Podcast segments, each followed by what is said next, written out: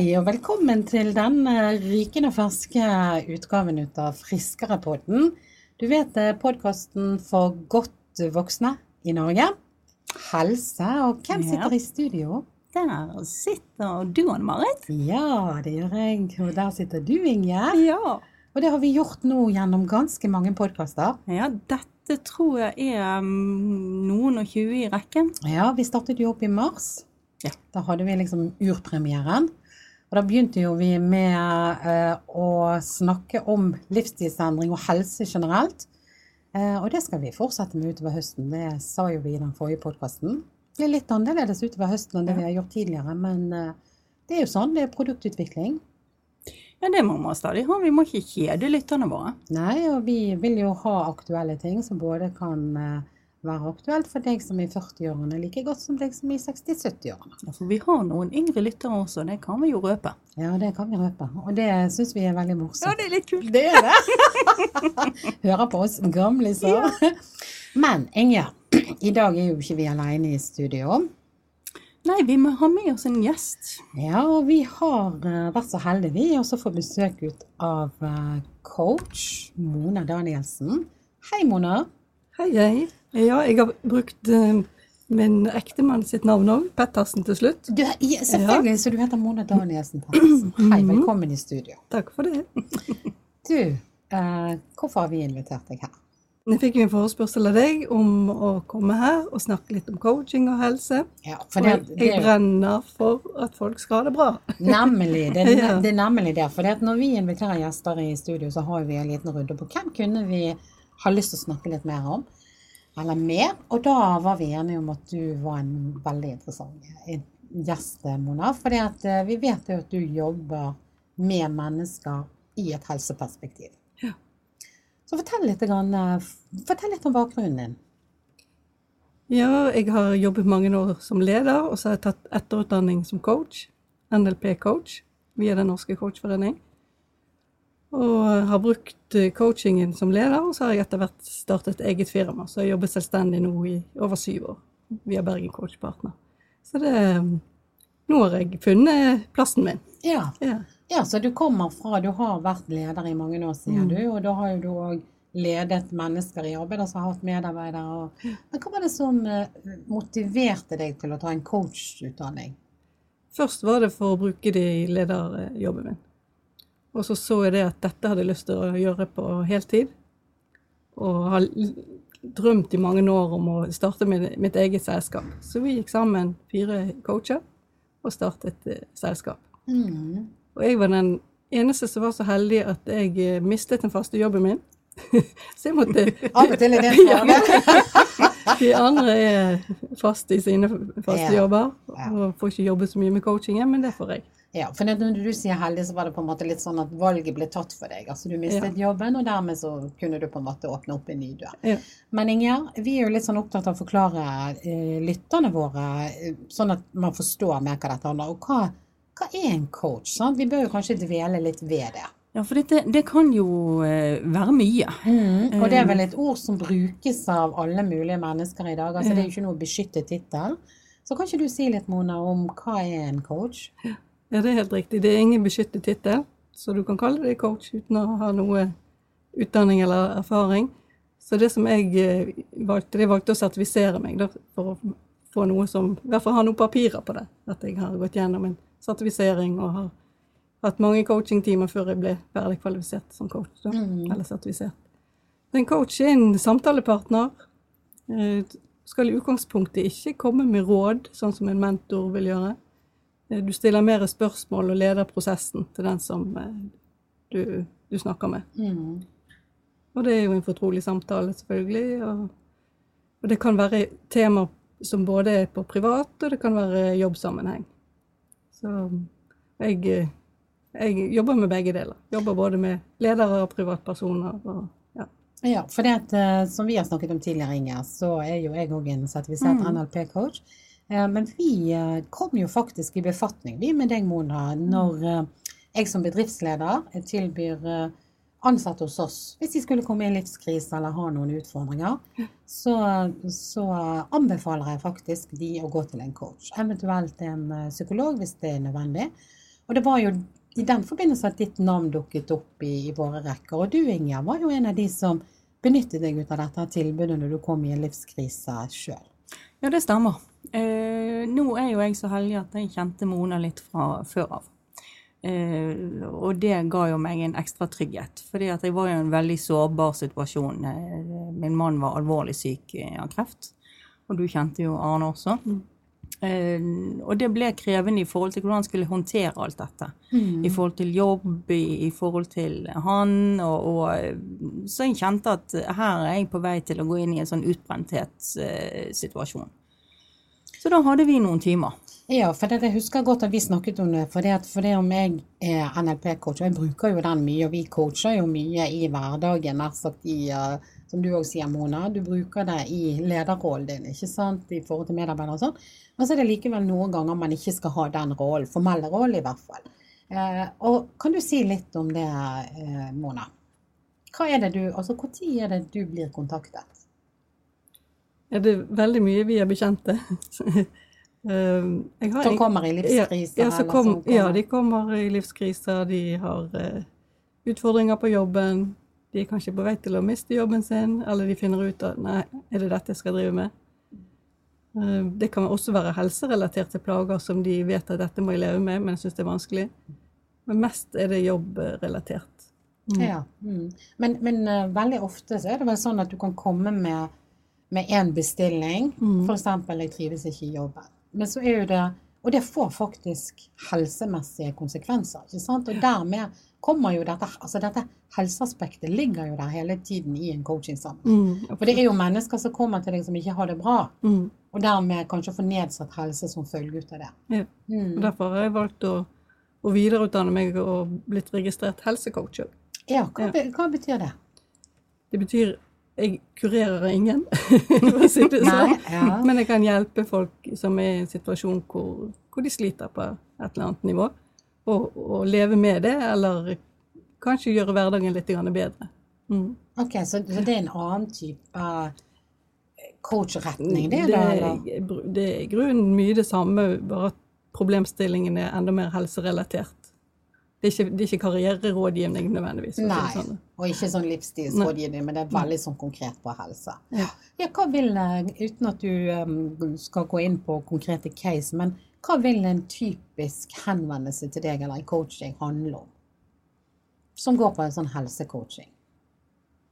Ja, det går veldig mye på mistrivsel i forhold til livssituasjonen, enten Og da er det sånn som du sier, det, det går utover alt. Trives du ikke på jobben, så går det utover det hjemme og omvendt. Mm. Sånn at det, det, det har toppet seg på, som oftest på flere områder i, i livet.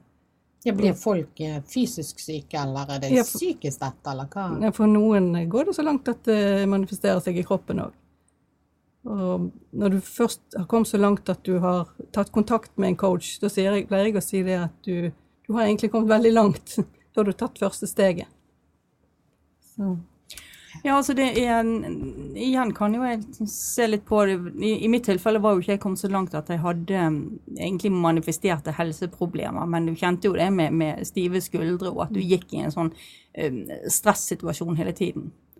Um, så jeg gikk jo til en del samtaler hos deg, og der du tar inn alle de forskjellige aspektene og bare stiller disse spørsmålene, som av og til kan være der du tenker at du har svaret med en gang, men, men andre spørsmål er mye vanskeligere.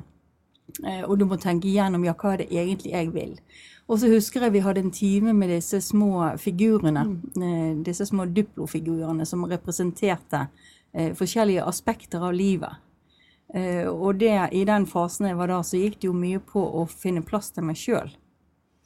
Og jeg tenker det, det gjelder antagelig mange, både som eh, mistrives på jobben, eller de har et eh, vanskelig ekteskap, eller de har en sykdom, så er det det med å, å kjenne litt etter hva betyr noe for meg. Jeg har jeg på sporet, da. Ja, det er lett for å glemme seg sjøl oppi alt som vi må gjøre og bør gjøre. Så og det å få det synliggjort, jeg bruker mye disse figurene som systemisk coaching. For å, for det, da får du på en måte følelsen litt vekk fra deg sjøl, og så får du det frem, ut på bordet med disse figurene. Det er litt lettere å se det da. Ja. At oi, her er det faktisk noe som mangler. her er det en som ikke får plass. Og da er det Ofte deg sjøl som eh, blir satt til sides. Hvis man får f.eks. en diagnose, blir syk, alvorlig Mm. syk, Um, hvordan, på hva slags måte kan du som coach hjelpe da? Det å finne ut hva er det som er viktig for meg nå i livet. Hva er det aller viktigste nå? Det er ikke sikkert det, det som før var viktig for meg, vil være viktig for meg fremover. Bli litt bevisst de tingene der. Lære å kjenne etter. Kjenne, bruke magen. Hva, hva er OK? Når blir jeg så utslitt? Og når kribler det i magen at dette er bra for meg? Ja, lærer de å lytte mer til seg sjøl. Ja, for det at eh, hvis du får en diagnose og blir Mm. alvorlig syk, så vil jo, sier jo mange i ettertid, og du kan lese om det og du kan høre om det, at verdiene deres på en måte Mm. endrer seg. Ja. Eh, Kjører du noen sånn verdiavklaring da med de, og kan du fortelle litt om Ja da, det, det gjør jeg stort sett i alle typer coaching. Verdiavklaring er, er veldig viktig. mm. Å gå gjennom, finne, ut, finne hva som er kjerneverdiene, hva som er det aller viktigste. Vi har kanskje en del ting som vi syns er viktige, og så graver vi litt på de, og finner ut hva er det som egentlig er det aller viktigste. Det må, så det må være på plass. Hvis ikke det er på plass, så kan du i verste fall bli syk.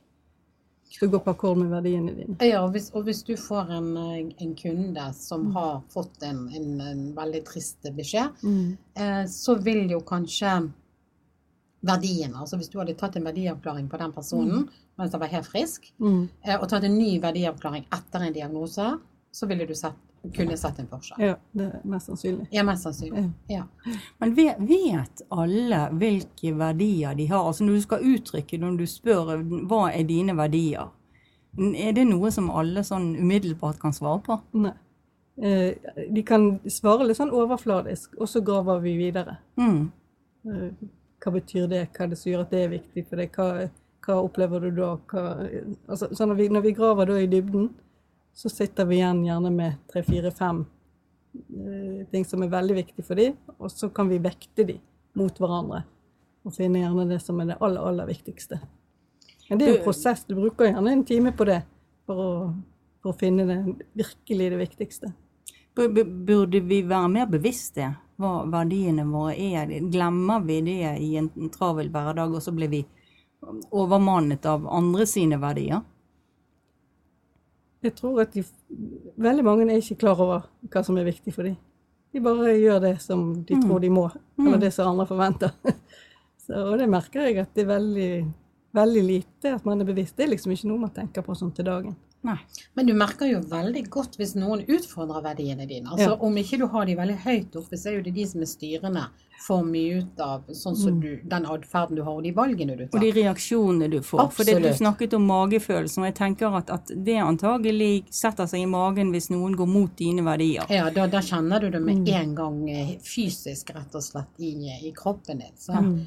For du som lytter, som kanskje ikke har et sånt bevisst forhold til dette med ordet verdi, eh, så jeg pleier i hvert fall å oversette det til sånn det som er det viktigste. Sant? Altså det på en måte blir en. Um, og jeg husker vi hadde en veldig interessant sånn verdiprosess også på jobben, for det, man har jo det. Man er jo opptatt av å finne ut hva slags verdier skal denne bedriften ha, Mm. vi ansatte osv. Og, og da òg var det veldig mye sånn uforstand rundt hva er dette med verdi. Mm. Men vi si litt mer om det, Mona. Altså, eh, hvorfor er dette her verdisettet? Altså, hvorfor er det så viktig? Det er jo, jeg tenker det er jo det som styrer Er det det som gjør oss til oss, på en måte, eller hva er, hva er det? Om det, det gjør oss til oss, det vet jeg ikke. Men i hvert fall, det styrer i hvert fall um, handlingene dine. Uh, Holdningene? Ja, holdningene, måten du tenker på. Ja. Det, det er veldig styrende i forhold til ja, litt, kanskje hvem du er, og hva du ja. Ja, for det er vel knyttet opp til integritet, sant? Altså integriteten din. Det er på en måte litt sånn, eh, sånn vi, vi har jo dette begrepet hel ved. Da Mm. står du for noe, sant? Altså du, Mm. har, du, du, du er ganske bevisst verdiene dine i en sånn hel ved-terminologi, og du etterlever de, sant? Du Ja. står for det du sier. Eh, Så jeg tenker at det, har ganske mye med sånn, altså det gir deg litt grad å på en måte være litt bevisst hva, hva verdier du har. Hva er, det, hva er din Mm. mission? Hva er, hva, er din bakgrunn for å ta de valgene du tar? Sånn? Mm. Jeg tror det gjør deg tryggere i valgene, ja, hvis du har det fremme. Du, du, du må gjøre vurderingene litt enklere. Eh, For du har noe å sette det opp mot. Eh, Sånn opplevde jeg det i hvert fall. Mm. Hva, hva andre ting er det som eh, coach er det som, som du tenker, altså som du brenner for? Jeg brenner for um, selvsnakket, det vi sier til oss sjøl. De, de, de fleste samtaler vi har, de har vi med oss sjøl. Mm. Og som oftest er ikke de like eh, OK som når du snakker med de rundt deg. Du har, mange av oss har en tendens til å snakke, ja, snakke oss sjøl ned. Ja, det er egoet da som eh, på en måte Altså, det kan være alt mulig. Det kommer tanker flygende, og så du griper fatt i de, og så begynner du å kverne på de, og snakke deg, snakke deg sjøl ned. Jeg husker Min morfar han sa alltid til meg hvis ikke du har noe godt å si, så kan du bare la være å si noe. Ja. og, og da tenkte jo han litt sånn utad til de rundt at jeg ikke skulle skape noe negativitet. Ikke det at jeg pleide å gjøre det, men sånn, det var liksom noe han sa, så det har jeg levd etter. Men jeg har gjerne ikke alltid levd etter det når, når jeg skal snakke til meg sjøl. Da er det ingen som har sagt det. Det er ingen sensur. Eller i hvert fall ikke det verdt det. Så. Nei. Så hva er, det viktige, hva er det viktige da når det gjelder selvsnakk? Å faktisk snakke positivt til seg sjøl, altså ta vare på seg sjøl Ja. gjennom selvsnakk? Ja, for jeg tenker jo at det du sier til deg sjøl Hvis du sier det mange nok ganger, så tror du det. Sant? Mm. Og hvis det er noe som er bra, så er jo det noe som bygger deg opp. Og hvis det er noe som ikke er så bra, så holder jo det deg, deg igjen. Kanskje har du et eller annet som du jobber mot, eller et mål du vil gå mot. Og hvis du hele tiden sier til deg sjøl at nei, du duger ikke, dette får du aldri til, dette går ikke, alle andre er bedre enn deg, så blir det veldig vanskelig å nå det målet. Ville du ha sagt det samme til en nær venninne av deg som hadde satt seg et mål, f.eks.? Alle de tingene. sånn. Skal du av og til snakke til deg sjøl som om du var din egen eh, beste venninne? Ja. Mm. Så enkelt og så vanskelig, Ja. kanskje. Og vi har jo snakket om dette med selvsnakk i en tidligere podd, Ja. Inger. Sånn at vi er jo opptatt av akkurat dette her. For dette handler jo om en programmering, ikke Ja. sant? Eh, Hvordan er det du programmerer deg sjøl? Hva er det du faktisk velger å se? Hva slags briller er det du har på deg? Er dette her glasset halvfullt eller halvtomt? Sant? Og det farger veldig synet på hvordan virkeligheten din blir. Men hvordan kan du da som coach hjelpe folk? La oss si de fleste som kommer til deg, Mm. mener de har et problem. De, de vil ha en løsning. Kanskje de vil ha en quick fix? Ja, veldig ofte. Veldig ofte, ja. Og det, det, det er jo vanskelig å få. Men man kan jo hjelpe. Men, men hvordan vil liksom tilnærmingen din være? Det, meste av arbeidet skjer faktisk mellom coachingtimene. Og gjennom en coachingtime har vi fått avdekket en del ting. Og da får de noen oppgaver som man skal jobbe med hjemme. Hvis, man, hvis det går på selvsnakket, da, eksempel. Hva kan man si istedenfor som er mer oppbyggelig? Og trene seg på det. Si det til seg sjøl. Kanskje blir det, er det litt unaturlig i begynnelsen, men etter hvert så blir det naturlig. Få litt sånne oppgaver. Først må man bli bevisst, og så finne ut hva skal jeg gjøre istedenfor, og så praktisere det. Men det er ikke sånn at når noen tar kontakt med deg, så um, har de allerede tenkt på hva slags problem de har. Jo. Men så i den konsultasjonen med deg, så oppdager du, og kanskje den personen òg, at det er jo egentlig ikke dette som er problemet, det er noe helt annet. Ja. Hva er det da som skjer? Ja, det er da magien skjer. Ja. ja. Det, det som skjer, det er jo gjerne at jeg stiller det er spørsmål og graver, og, sånn. og plutselig blir det helt stille. ja. Og det er et godt tegn. Det er et godt Og det kan til og med komme noe gråt, eller det kan Ja, ja, komme. Altså, det kom, du, du, du ser at noe skjer. står klar. Ja. Og det er kjempeflott når det kommer tårer. Det er veldig bra. Mm. Forløser vi litt og kommer vi litt nærmere. Mm. Jeg må jo bare se, for det er litt sånn nysgjerrig. Ser du har med deg en gul boks som du har sittet her i studio på bordet mellom oss? Ja. Fortell litt om hva er det for noe? Det er en boks med flere kort oppi, og så står det et spørsmål på hvert av kortene. Som er coachende spørsmål, et spørsmål som får deg til å reflektere. Og det kan du bruke når du vil ha en god samtale med venninner, venninne, eller på jobben for den saks skyld. For å reflektere litt. Grann. Ja, så det er et verktøy som du bruker i coachingen, da?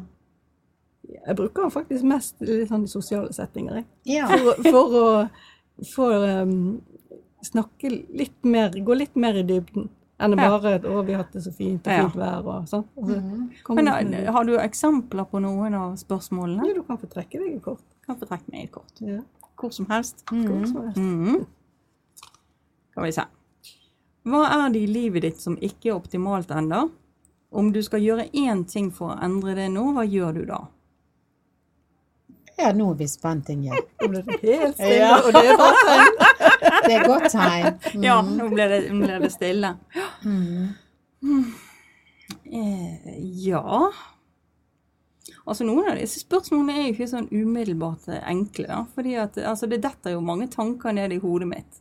Eh, som at eh, Og så tenker jeg, er det livet mitt? Dette at oppgangen til huset er nå en eh, krøttersti? eh, ja, det har jo noe med livet mitt å gjøre, for det har jo med min fysiske trygghet å gjøre. Um, optimalt er også et vanskelig ord for meg. Nå begynner jeg å analysere, kjenner jeg, Ja. mer enn jeg Men, men, men, ja, men det er jo veldig interessant, for hvis vi hadde sittet her som tre venninner, og du trakk dette kortet, Mm. eh, så For det er jo litt sånn du sier det òg kan brukes, Mona. Eh, så ville jo jeg For jeg, når du leste spørsmålet til deg sjøl, Mm. så fikk jo jeg inn et svar for deg. Ja, det kan jeg vel levende tenke meg hva det er. Ja, men er ikke det litt sånn? Altså, man sitter sånn, og så tenker jeg Ja, her er jo et opplagt svar. Og så sitter jeg og venter på at du sjøl skal si det, men det kommer ikke. Jeg, jo, jeg skal si det. Jeg skal si det. få høre om det er det jeg har tenkt på. Um, um, Det mangler en mann jeg kan danse med. Ja, nemlig. Det var som jeg skulle sagt det sjøl. Ja. Jo, men det er jo litt sånn interessant, for det var liksom det første jeg fikk inn når du stilte det spørsmålet. Og så er det jo interessant å sitte i en sånn setting og høre hva du sjøl vektlegger. Mm. For det, at, det er vel sånn, Mona, i en del sammenhenger så er det sånn at det er vanskelig å erkjenne og sette ord på ting sjøl. Mm. Og, og disse kortene kan faktisk hjelpe deg til å gjøre det. Altså En ting er å tenke ting, for de sier jo det, de fire psykologiske eller byggeklossene. Sant? Det går jo på å tenke og si og gjøre det, liksom. Sant? Så det å tenke det, og faktisk si det, og så gjøre det. Spennende, Ingjerd. jeg, kanskje jeg skal trekke et kort, jeg òg, Ja, da? gjør det. Gjør det. Mm. Så får vi se hva det sier. Eh, vi kan bare bygge på suksess. Hvilke suksesser, parentes det du har gjort som er bra, kan du bygge videre på? Ja, da tenker jo jeg litt sånn, hvis jeg, nå når jeg sitter her i podkasten, som er på en måte det stedet der vi har mye helsefokus, så er det nærliggende for meg å si at jeg kan bygge videre på en del av det arbeidet som jeg allerede har gjort i forbindelse med sånn livsstilsendring og, og kostholdsendring, for å sørge for at ikke diabetesen kommer tilbake, eller at jeg klarer i hvert fall å holde det sånn noenlunde. Eh, For det, det er jo en suksess at de gjennom tre-fire måneder klarte på en måte å ta ned eh, blodsukkeret og eh, gjøre så mye som, som jeg gjorde, og bli frisk. Så det er sånn umiddelbart det jeg tenker på, da. For da gikk det på det veldig personlige, og ikke sånn suksess med jobben, eller hva det skal være. Ja. Ja, for jeg tenkte jo en sånn umiddelbart på vi over 60 som suksess. Ja! og det ville vært, hvis jeg skulle vært i det moduset, så kunne jeg ha sagt at jeg vil bygge videre på den suksessen vi har gjort sånn. Men dette blir jo mer, litt sånn mer personlig. Men personlig, ja. Ja. Absolutt. Så Mona, vil du òg ta et kort her? ja, det er spennende. Det er Mhm. midt i hodet. Skal vi se. Hvordan kan du nyte jobben og innsatsen du må legge inn i livet ditt for å få den gleden og suksessen du drømmer om? Mhm. Ja, det er jo veldig spennende spørsmål. Jeg føler jo meg veldig heldig, og så har jeg en veldig frihet i den jobben som jeg har. Jeg jobber som coach, og så jobber jeg også med et ledernettverk, hjelper andre til suksess. Eh, Hvordan kan du nyte jobben og innsatsen du må legge inn? Der ser du, det var ikke så Ja, var ikke så lett å svare sånn umiddelbart. Nei. Men du, du reiser jo litt med det nettverket og litt sånne ting, så det, du, det er jo helt åpenbart at du har en del Ja. goder knyttet rundt til, til jobben din. Jeg, altså jeg føler jeg nyter det hver dag. Ja. med den friheten som jeg har Ja, til å være, jobbe fra hvor som helst, når som helst. ja det er jo de en jeg eh, ja. Det er jo absolutt en frihet. Så, Ja. ja, men da ser du, altså. Så, så, så den type Altså den type eh, kort som dette kan hjelpe en i å på en måte ikke bare ligge på overflaten, men ta en litt under, sant? og få litt mer dybde i samtaler. Mm. Men selv du som er coach, syns ikke det er enkelt å svare på, på sånne ting. Nei. Kan, kan jeg spørre deg, Mona, har du, har du gått til coach sjøl? Ja, det Ja. har jeg gjort. Mm. Hvordan opplevde du det, da? Deilig. Jeg synes det var så deilig å bare, bare være helt fri. Og, og så var det litt trygt, følte jeg òg. I forhold til at det ble geleidet videre. Så nei, vi skulle ha hatt en coach alle sammen hele tiden. ja. Men er det, er det mange i vår målgruppe, altså målgruppen over 60? Eh, er det mange eh, som oppsøker coach? Vet du, altså er det Jeg syns det er økende. Før var det få som visste hva det var for noe, og spesielt ute i næringslivet så forsto ikke de helt hvordan de skulle bruke det. Nå har jo mange bedrifter de har jo ansatt sine egne coacher. Eh, Så det er ja, det er økende, sånn som jeg opplever det. Ja, så, så det går fra For det, til, å begynne med, når man begynte med denne sertifiseringen av coacher, så var jo det en diskusjon på hvor stuereint dette var, og mange dro jo det over mot den alternative bransjen og stilte spørsmålstegnene med nær sagt sannhetsgehalten. Men, men der, der, skjer, altså der skjer det en endring. Ja, det Ja. er helt klart. For nå, altså nå har jo de, du kan gå på BI og lære om coaching, f.eks. Veldig, veldig mange ledere de vet hva coaching er, og de bruker det også. Men så er ikke det det som er deres jobb, så derfor vil jeg av og til ha en ekstern. Ja, hente inn en ekstern. Og akkurat den er jo kjempeviktig, for som sagt, selv om jeg bruker de verktøyene sjøl i mitt eget lederskap, så er det likevel begrenset hvor mye sånn én-til-én-coaching du skal ha med dine egne medarbeidere i en livskrise, f.eks. Ja, og det tenker jeg må også gå på, på eh, de som er for nær.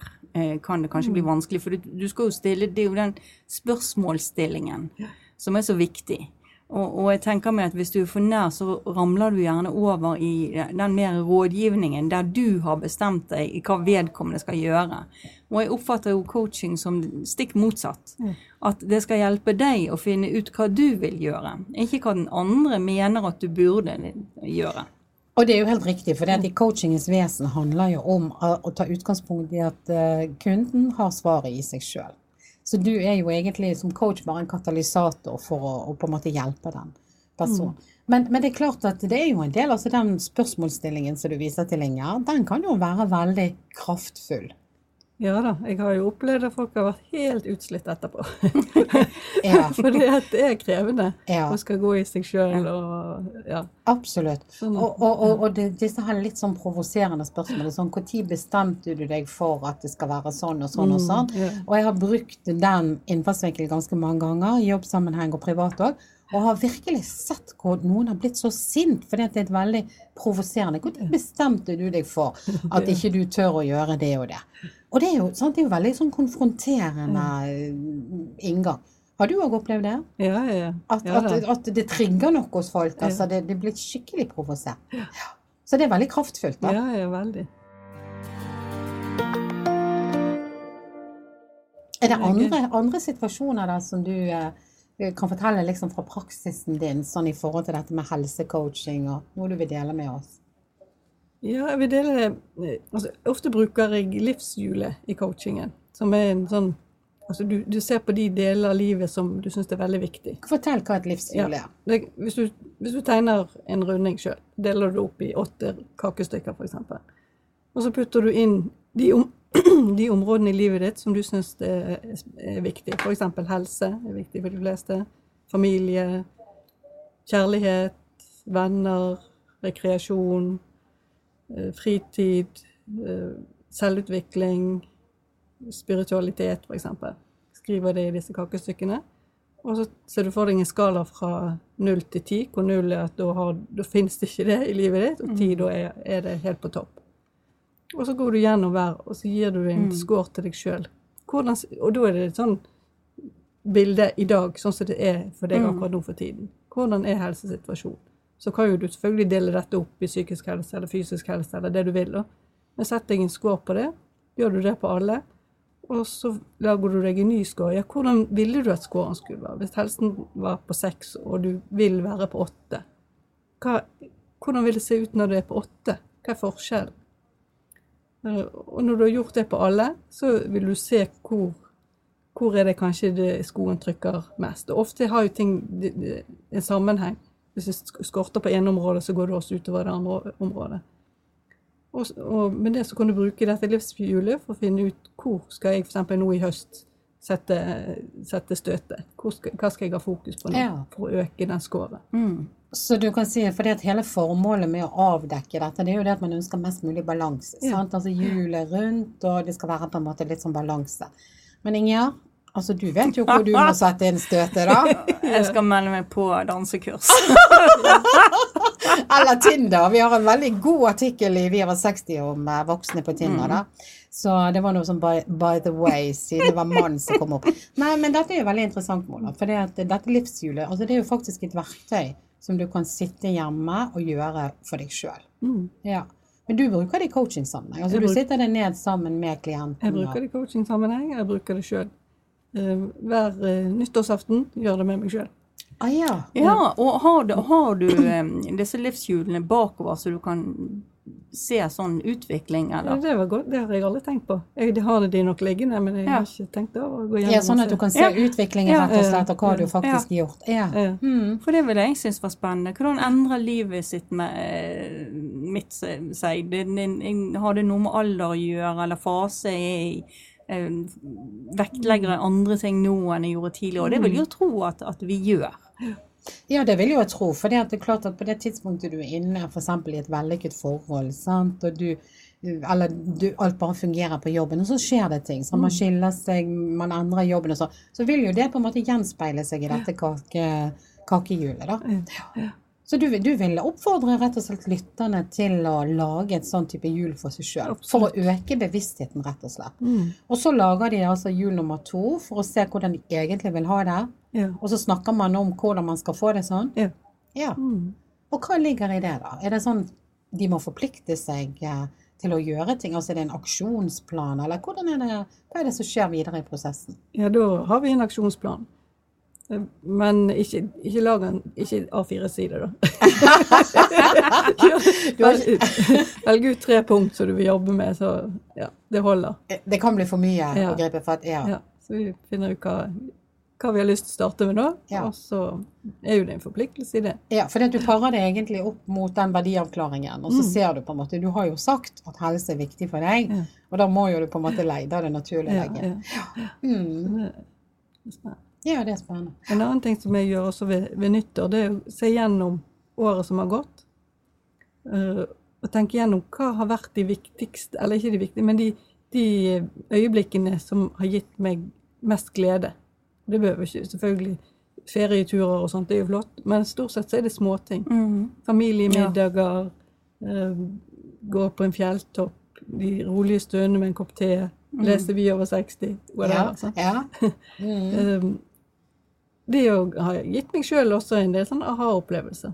F.eks. det med familiemiddag. Det å, ha, å spise middag til faste tider. Jeg var, jeg var ikke klar over hvor viktig det var for meg egentlig, før jeg tok den der på meg sjøl. Hva betyr det, for du har fremdeles barn som bor hjemme? ja, nå har jeg ett barn igjen som er hjemme, de to eldste har flyttet ut. Ja, men det vi- å spise sammen Ja, men inviterer du da altså de andre hjem til sånn familiemiddag ja, til et fast tidspunkt? Ja, søndagene, da er det sånn familie. Men det er ikke alltid de kan. Kan Nei. du forstå? Ja, så det er ikke like viktig eller prioriteres like mye? ikke like viktig for de som for meg. Men er det sånn at du gjennom, for å kunne gjøre det opp den statusen ved nyttårsaften, Mm. eh, noterer du gjennom året da små og store ting, eller sitter du der og, og bruker minnet ditt på å rekonstruere hva som Jeg bruker er viktig? faktisk eh, bildearkivet mitt på mobilen. For å gå gjennom. For jeg, Ja. jeg tar masse bilder. Det er, Ja. Noe legger jeg ut på Facebook, men de fleste legger jeg ikke ut. Og så går jeg gjennom bildene for å minne meg på, og så bruker jeg kalenderen min for å se hva jeg har, hva jeg har gjort på. Eh, Ja, for det, det du tar bilde av, det er noe som er viktig for deg, eller Ja. så ville du ikke tatt bilde, Ja. er det sånn? Hvis jeg sto på en fjelltopp, så tar jeg Ja. Jeg klarer ikke å la være. Jeg må ta bilder av utsikten. Sant? Men akkurat det som du sier der er veldig interessant. For at, eh, i sommer så leste jeg en bok som heter Hvilepuls. Som jeg kjøpte med som sommerlektyre. Mm. Og da satt jeg nede i min eh, herlige lille skrivestue på Lanzarote. Hadde uh, meniskproblemer i et kne og måtte sitte med foten høyt. Og da fikk jeg en veldig god lesetid. Og der i den boken så står det bl.a. om dette med å ta bilder. Og det er, jeg syns det er litt interessant å nevne det her, fordi at mange sier at de ikke tar med seg mobilen, for eksempel. For det er jo mobil som har kamera i dag. Vi har jo ikke store kamera, vi går jo rundt og tar med mobilen. Og så er det mange som sier det at nei, vi har ikke med mobilen og tar bilde, de vil heller bare oppleve det der og da. Mobilen skal ikke stå i veien for eh, den opplevelsen. Men i denne boken her så gjør de altså et stort poeng ut av at når du er bevisst og forevige blikk, altså når du er bevisst, eller når, når du er der at du faktisk vil ta et bilde for å forevige det, eller bare for å hjelpe minnet å huske det, så får du dobbelt så stor glede. Fordi at du velger ut et motiv. Du er, du er Altså, blikket farer istedenfor å være litt sånn Kanskje litt sånn ubevisst, eller bare sånn eh, være til stede uten å være helt til stede, så må du faktisk fokusere. Og jeg syns at det var bare så utrolig kult at det ble skrevet. For jeg har alltid som journalist og fotograf fotografert mye. Og når, når disse store Nikon- og Canon-kameraene ble lagt vekk, så er det mobil vi bruker. Så akkurat på samme måte som deg, Mona, jeg har mobil full ut av bilder. Men det er altså bra. For det er noe med at du fokuserer på detaljer som kanskje ikke andre ser. Se den kule porten der borte med den flotte, eller stå på den toppen. Du trenger ikke å kringkaste deg Nei, nei. på Instagram eller Facebook, men du har det med deg. Eh, og du kan bruke det i ettertid for å huske, for det minnet, eh, det lurer jo oss mye. Sant? Hva Ja, det gjør det jo. Det, det Ja. vet vi jo i rettssaker. Det er så Ja. folk eh, husker Falske det. minner og feile minner. Så det er det der å sitte faktisk og gå gjennom minnet, sånn når, du, når du er på et flyreis og du bare sitter og kjeder deg et eller annet, så sitter jeg gjerne og gjør det. Det er akkurat som å oppleve det litt sånn en gang til. Sant? Så du bruker det altså til å rekonstruere året. Ja. Ja. Og plukke ut hva er det hva var de gode tingene? Hva vil jeg vil ha, ha mer av nå i året som kommer? Ja, og da legger du en liten plan for ja. hvordan du skal få det i gang. Så hva er, hva har du da, hva er sånn topp av topp of, eh, sånn topp tre for deg, som er gode øyeblikk som på en måte du eventuelt kan dele med oss? Hva har det vært? eh, Ja, det det.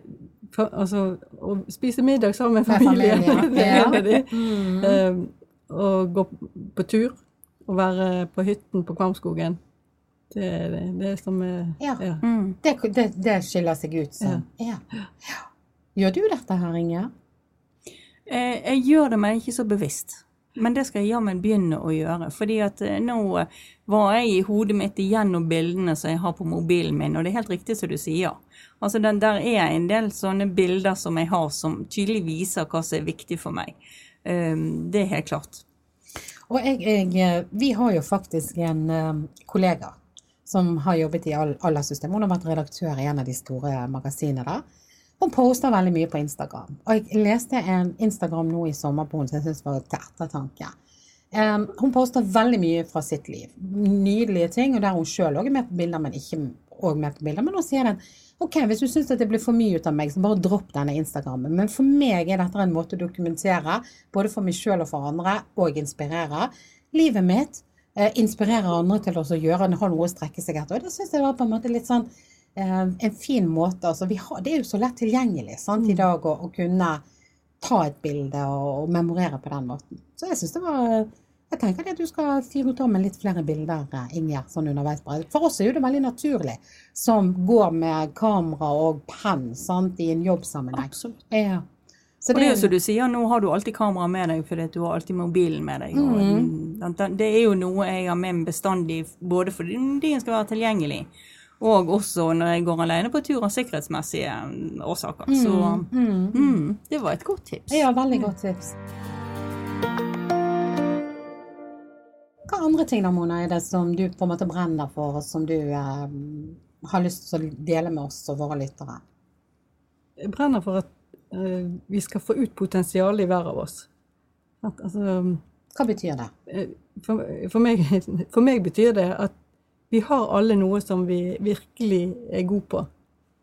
Eh, og som vi gjerne drømmer om, og så har vi, har vi gjerne lagt den drømmen, pakket den godt ned. Vi var veldig flinke å drømme når vi var små barn, men etter hvert så kommer virkeligheten, og så har vi bare pakket den drømmen eh, ned. Det å få frem igjen den drømmen og få hjelpe til å få realisert den på det korte livet som vi har her. Det er for dumt hvis ikke vi gjør maks ut av det.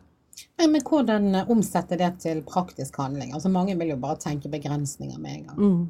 Ja. At ikke det er mulig. At andre får ting til, men at ikke de kan. Økonomi. Det kan være hundrevis av unnskyldninger. Ja. Nå, det ene er måten å tenke på, som jeg kan hjelpe deg med. Det andre er jeg særlig at jeg kan hjelpe dem med den, en jobb som kan gi dem en frihet. Så ha den miksen. Um, gi, gi dem et verktøy. Hva, hva, hva vil et sånt verktøy være, f.eks.? Eller hva kan det være? Det er sikkert ikke noe som passer for alle, men for meg har det vært å kombinere den jobben som jeg har som coach, eller den jobben som man har som man må ha, og så har jeg bygget opp et nettverk med, med folk som er opptatt av helse og velvære, og, og tester produkter som fungerer innenfor det, og så har de, deler de sitt engasjement på det. Da. Og kan tjene såpass at de kan få en fri til å velge hva de skal gjøre. De må ikke gå på den jobben hvis det ikke er den de brenner for. Ja, Så du, du har liksom funnet din vei og realisert din drøm. Men, men dette her med å realisere drømmer um, Er det sånn at alle drømmer kan oppfylles? Hva tenker dere? Jeg tenker at alle drømmer kan ikke oppfylles. Det er jo noen begrensninger. Um, Du har noen begrensninger i deg sjøl av eh, rent fysisk. Eh, Om jeg hadde en drøm om å bli verdens beste høydehopper, så er det helt åpenbart at det, det hadde ikke gått. Eh, Og det er noen drømmer som er begrenset av sånne økonomiske rammer. Men man kan gjøre mye. Eh, Jeg har jo realisert en drøm nå. Altså dette med å få sånt eh, lite hus i skogen har jo vært en drøm hos meg i årevis. Så eh, når alle sa at ja, men hva er det du tenker på? Ja. Eh, så tenkte jeg neimen For, ja, for det, du ble jo faktisk òg coachet til å på en måte stole litt på din egen magefølelse. sant? Ja. Og, og, og eh, utfordret litt på hva var begrensningen, og hva sto egentlig i veien for å realisere drømmen. Ja. Og du endte jo opp med å ta det modige valget, selv om veldig mange rådførte deg i en annen retning. Ja, for der har du det eksempelet på der folk kommer med råd, aldri så velmente råd. Men eh, det er ikke det eh, du kjenner på. Og det, det, det er det der med magefølelsen. Eh, I mangel av et bedre ord, så man skal lytte til den. For, for eh, det du sitter og kjenner på, det, det er noe reelt. Eh, Selv om du kan sette den på et papir for og imot, og regnestykket kan se helt eh, ut som det tipper i en annen retning. Men det med å følge sånne drømmer altså Jeg, jeg har ikke angret et minutt. Og vi har jo, vi har jo ledd litt eh, Vi kan jo le veldig høyt da, Mona. Eh, Det var jo derfor Ingjerd ble ansatt i Vi var sexy. Det var fordi at hun lo så høyt og godt. Eh, Hun konkurrerte med meg om å Altså, du, du ler høyere enn meg, Ingjerd. Ikke, Ja, det, er- ikke det bra? Det, det er noen som påstår det, ja. Ja. ja, så Og det er jo veldig morsomt. Men vi, hadde, vi har jo ledd litt ut av den, eh, dette ordet realitetsorientering. Eh, Ja, det fordi, ja, fordi at um, det, og det, det, det er jo veldig naturlig å snakke litt sånn om sant, i forhold til dette med å eh, La oss si at man ikke har det bra. Eh, og så identifiserer man f.eks. med å gå til deg, Mona. Blir veldig bevisst at vet du hva, jeg har bare helt feil jobb. Eh, men hva skal jeg gjøre med det? Sant? Jeg har jo egentlig lyst til å gjøre noe helt annet, men jeg har jo feil utdanning, jeg har ikke økonomi og alt det der. Og da er jo det litt sånn denne ordet realitetsorientering, da. Hva, hva, hva, hva slags eh, hvor, hvor kommer du inn i bildet der, og hva er det hva er det du finner ut sammen Hvordan er det du realitetsorienterer da kundene? Hvilken reise blir det? Mm. Altså Der òg ville jo jeg avklart verdiene. Sant? Finne ut hva som er virkelig viktig. Hva er det som gjør at dette er så viktig for deg å skulle gjøre den endringen? Um, og finne ut hva vil det bety. Si at du Jeg vil hjelpe deg litt inn i den drømmen. Hodet er litt sånn rart at det Hvis du tenker deg inn i den drømmen, så tror jo hodet at Oi, nå er vi der. Sant? Han vet ikke at det er ikke realitet. Men, men at det kan hjelpe deg til å visualisere den drømmen og få den så klar som mulig. Og med det så kan det være at de da vil si at nei, det var jo kanskje ikke helt sånn likevel. Eller de kan få enda mer eh, ja, Ja, dette er viktig. du ber de rett og slett om å sette seg i en situasjon der de er inni det bildet. Altså, Inger er på den gård, altså den der oppe ute i skogen alene Ja. der en kveld når det blåser og alt dette. Så du, du tar de med på en sånn Ja, reise. går vi gjennom hva ser du, hvem er det rundt deg, Mm. hvordan oppfører du deg, eh, hvilke evner tar du i bruk mens du er der, hva er du helt overbevist om hva er viktig for deg, hvem er du når du er der, og hva blir nå mulig du, mens du er der. Mm. Um, så da tar vi, går vi gjennom en sånn reise, og, og, og kroppen vil kjenne det på Du vil kjenne hvor Som oftest er, har du det veldig godt, da. Hvis det er riktig for Hvis deg. det er riktig Ja. for deg. Ja. Mm. Og hvor i kroppen kjenner du dette. Og, og så kan du ta frem igjen det bildet når som helst. For å gjøre denne drømmen veldig klar. Du kan lage et dreamboard senere, og lage bilder av hvordan det skal være, og, og sånne ting. Da. Men det er klart eh, Altså, jeg tenk, Du spurte her i sted om, om alle drømmer kan realiseres. Kanskje ikke alle drømmer, men jeg, jeg tror de fleste drømmer som vi har, for vi har allerede veldig mye sensur i oss. Så jeg tror ikke det er så stor fare. Men du må være villig til å ta de valgene, eller de, de omkostningene, kanskje for å, å realisere en Ja, drøm, da. ja, for- for det er jo ofte det det Det handler er om. sant? ofte er det frykt, sant? og du, du mister den tryggheten som du gjerne har. og Mm. det er En del endringer skal skje, og det, da blir det, kan det være utrygt. Ja. Hvordan, eh, ja, for det er jo endring handler jo veldig mye om utrygghet. Og vi lever jo i et samfunn med veldig stor fart og veldig mye endringer. Merker du det at eh, For du, du driver jo og coacher ledere og sånt, og hva, hva, hva De strømningene og den samtiden som vi lever i, Mm. hva, hva vil du si om det? Eh, Det er utfordrende.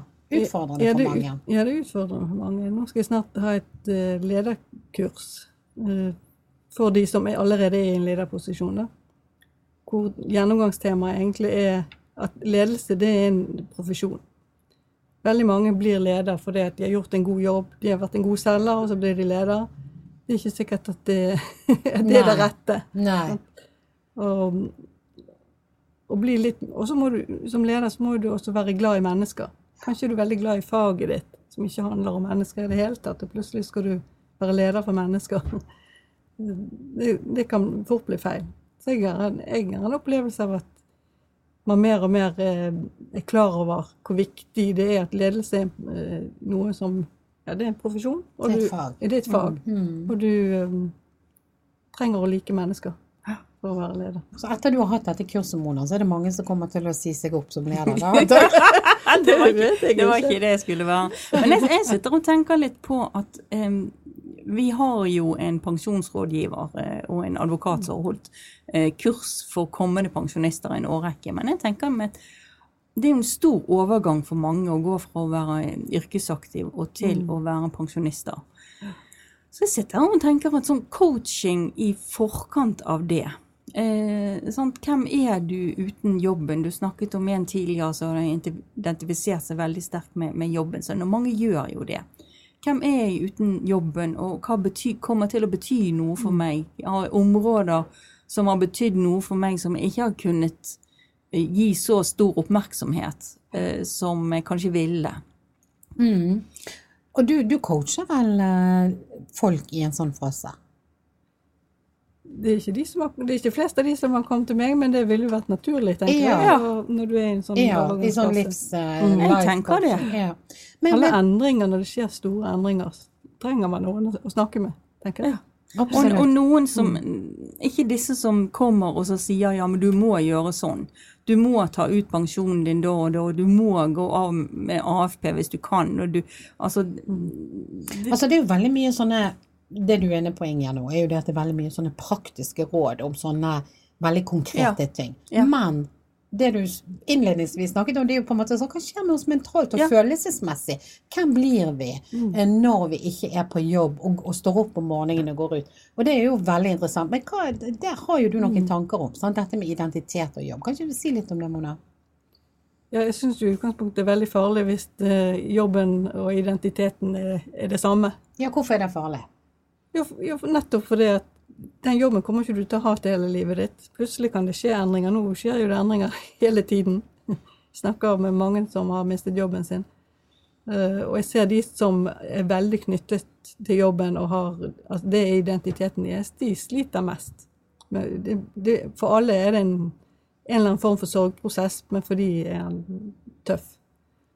Så det å, å finne andre ting enn bare jobben som, som beskriver hvem du er. Ja, er for det, at, for det at har de jobb som en verdi, da? Er det de vi snakker om? det kan være verdi eh, Status er viktig for de, eller eh, makt eller Tittel, makt, tittel, innflytelse, ja, den Ja, type. Mm. Eller at jobben er et mestringsområde. Ja, sant. Det, Hvem er jeg når jeg ikke det- leverer Mm. Ja, altså ting det er på jobben du har fått mest positive tilbakemeldinger, Mm. for eksempel. Mm. Er det Ja, hva når, hvis en kommer til deg og, og, og med denne type problemstilling, da? Mm. er i sorg, har mistet jobben. Mm. Du finner veldig fort ut. Det er ikke sikkert at den personen eh, egentlig vet hvor viktig jobben har vært, men altså, de bare kjenner at de er blitt deprimerte. Mm. Og det er jo gjerne ikke så enkelt i voksen alder å finne seg så fort en ny jobb heller. Mm. Hva, hva slags tilnærming, og hvordan pakker du ut eh, ting da? Ja, nå har jeg de siste årene snakket med veldig mange som har mistet jobben sin.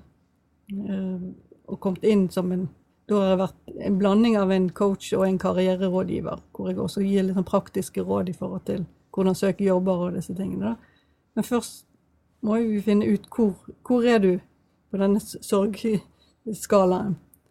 Er du på vei oppover, så vet vi, da kan vi jobbe der. Er du på vei ned, så bør vi få stoppet det før du har kommet, kommet helt ned. Um, og de, altså de, de aller fleste, de Noen trenger bare litt tid på seg for å fordøye dette her. Jeg har jo sjøl vært gjennom flere oppsigelser. Noen frivillig, og noen ufrivillig. Uh, en av de gangene satt jeg oppe hele natten, og så skrev jeg brev til ledelsen. Ja. Og mannen min kom om morgenen og lurte på hva jeg holdt på med. Så sier jeg jeg har skrevet brev til ledelsen. Jeg får lese, sier han. Så leste han igjennom, og så spurte han har du sendt det. Nei, sier jeg. Bra. For Da, vi hadde, ja, det ut. da hadde du behov for å få det ut, ja. Og noen- Mm. Så på en eller annen måte få ut den frustrasjonen og alle de forskjellige følelsene som kommer. Og det kan vi snakke om på forskjellige måter, hvordan den enkelte får det ut. Og så når man har fått det ut, og du kan få litt sånn tilbakefall, men når du da er klar for ok, nå går vi videre, så er det å tenke videre på hva Hvis alt var mulig, eksempel. Hva ville du gjort da? ville du da ha gjort? Mm. Hva har du gjort tidligere? Hva har- gjør det på fritiden? Hva er du flink til? Hva har du lyst til å lære deg? Så plutselig er jo det mange dører som åpner seg. Det er en som lukkes, men det er mange som åpner seg. Og veldig mange får jo det faktisk bedre etterpå enn Mm. sånn som de har hatt det. Mm. For de har gjerne holdt på den jobben fordi de følte de måtte, og visste ikke at de kunne brukes til noe annet. Så er, er det noe i det der uttrykket at når en dør eh, lukker seg, så åpner det seg en annen? Ja, det åpnes mange andre. Mange andre. Som velger. Ja, ja. Ja, ja, ja. Og det må jo man ha være sterk i troen på, da? Eller er det sånn at man skaper de mulighetene, da? Er det det det vil handle om for folk, eller hva, hva tenker du? Hva er prosessen? Ja, det er jo litt sånn brainstorming. Hva, hva ligger der nå fremme? Hva har jeg lyst til? Hva, hva brenner jeg for? Hva har jeg gjort tidligere? De, av de jobbene jeg har hatt, f.eks. hvis du har hatt flere jobber. Hva var det kjekkeste? Hvis du kunne ha satt sammen sånn drømmejobben, hva skulle den ha inneholdt? Nesten lage søknaden til eh, drømmejobben din. Mm. For jo mer du, du ser for deg hva du vil, jo lettere er det å fange opp når det rører seg noe rundt, og det er lettere også å forklare til andre hva du ser etter. Ja, for jeg tenker du må kunne bruke litt av det samme vi snakket om tidligere, dette med drøm. Mm. Eh, når det gjelder jobb også, det du sier, drømmejobben. Altså se vekk ifra fra hva som er på markedet og hva muligheter, men bare begynn med Mm. hva for en jobb ville du hatt hvis du hadde kunnet velge fritt. Og hvis du kunne designet eller regissert det Eh, ja, sjøl? og, og de øyeblikkene i den jobben, du, eller de jobbene du har hatt, når var du mest tilfreds? Når mm. hen, kjente du at uh, dette var kjekt å holde på med? Mm. Eh, Det er viktig. Jeg har jo også vært i den situasjonen at jeg har mistet jobber. Eh, Men det har egentlig bare gitt meg sparket til å gjøre ting som jeg lenge har tenkt på. Men vi er veldig bundet i dette med den tryggheten en fast jobb gir. Det å kaste seg ut i noe som for min del var frilanslivet. eh, Som jeg hadde hatt veldig lyst til veldig lenge. Eh, Så jeg egentlig jeg kastet meg om halsen på han som da var min sjef og sa tusen, tusen takk. Og han så veldig forvirret ut. Ja. For da var du, du var glad for at du rett og slett ble sagt opp, du da? Eller? Ja, fordi at da, da Det ga deg det sparket Det til å komme sparket. videre. Mm. Ja. Men, men Mona, mange av de som lytter på oss, de jobber jo, de er ikke yrkesaktive lenger. Mm. De er pensjonister. Eh, og eh, hva slags eh, Da er jo man kommet i en annen fase. Eh, hva slags eh, hjelp vil de kunne ha? Så, sant? For de, det er um, nok undervurdert hva som skjer når man slutter i arbeidslivet. Vi har lett for å forherlige det. Vi skriver jo litt om dette òg. Det er lett å forherlige og bare tenke 'Å, gud, bare jeg blir pensjonist, så blir alt så bra'. Men det er jo faktisk ganske mange tall, mørketall òg, som viser at mange sliter når de får så mye tid. Mm. Både hvem er de? Eh, De mister nettverk, eh, arbeidsoppgaver, retning i livet. Hvordan eh, tenker du at coaching, og hvordan kan de jobbe med seg sjøl i en sånn omstillingsfase? Ja, der kunne de, Kanskje man f.eks. bruke livshjulet, som vi snakket om. Hvordan har jeg det nå?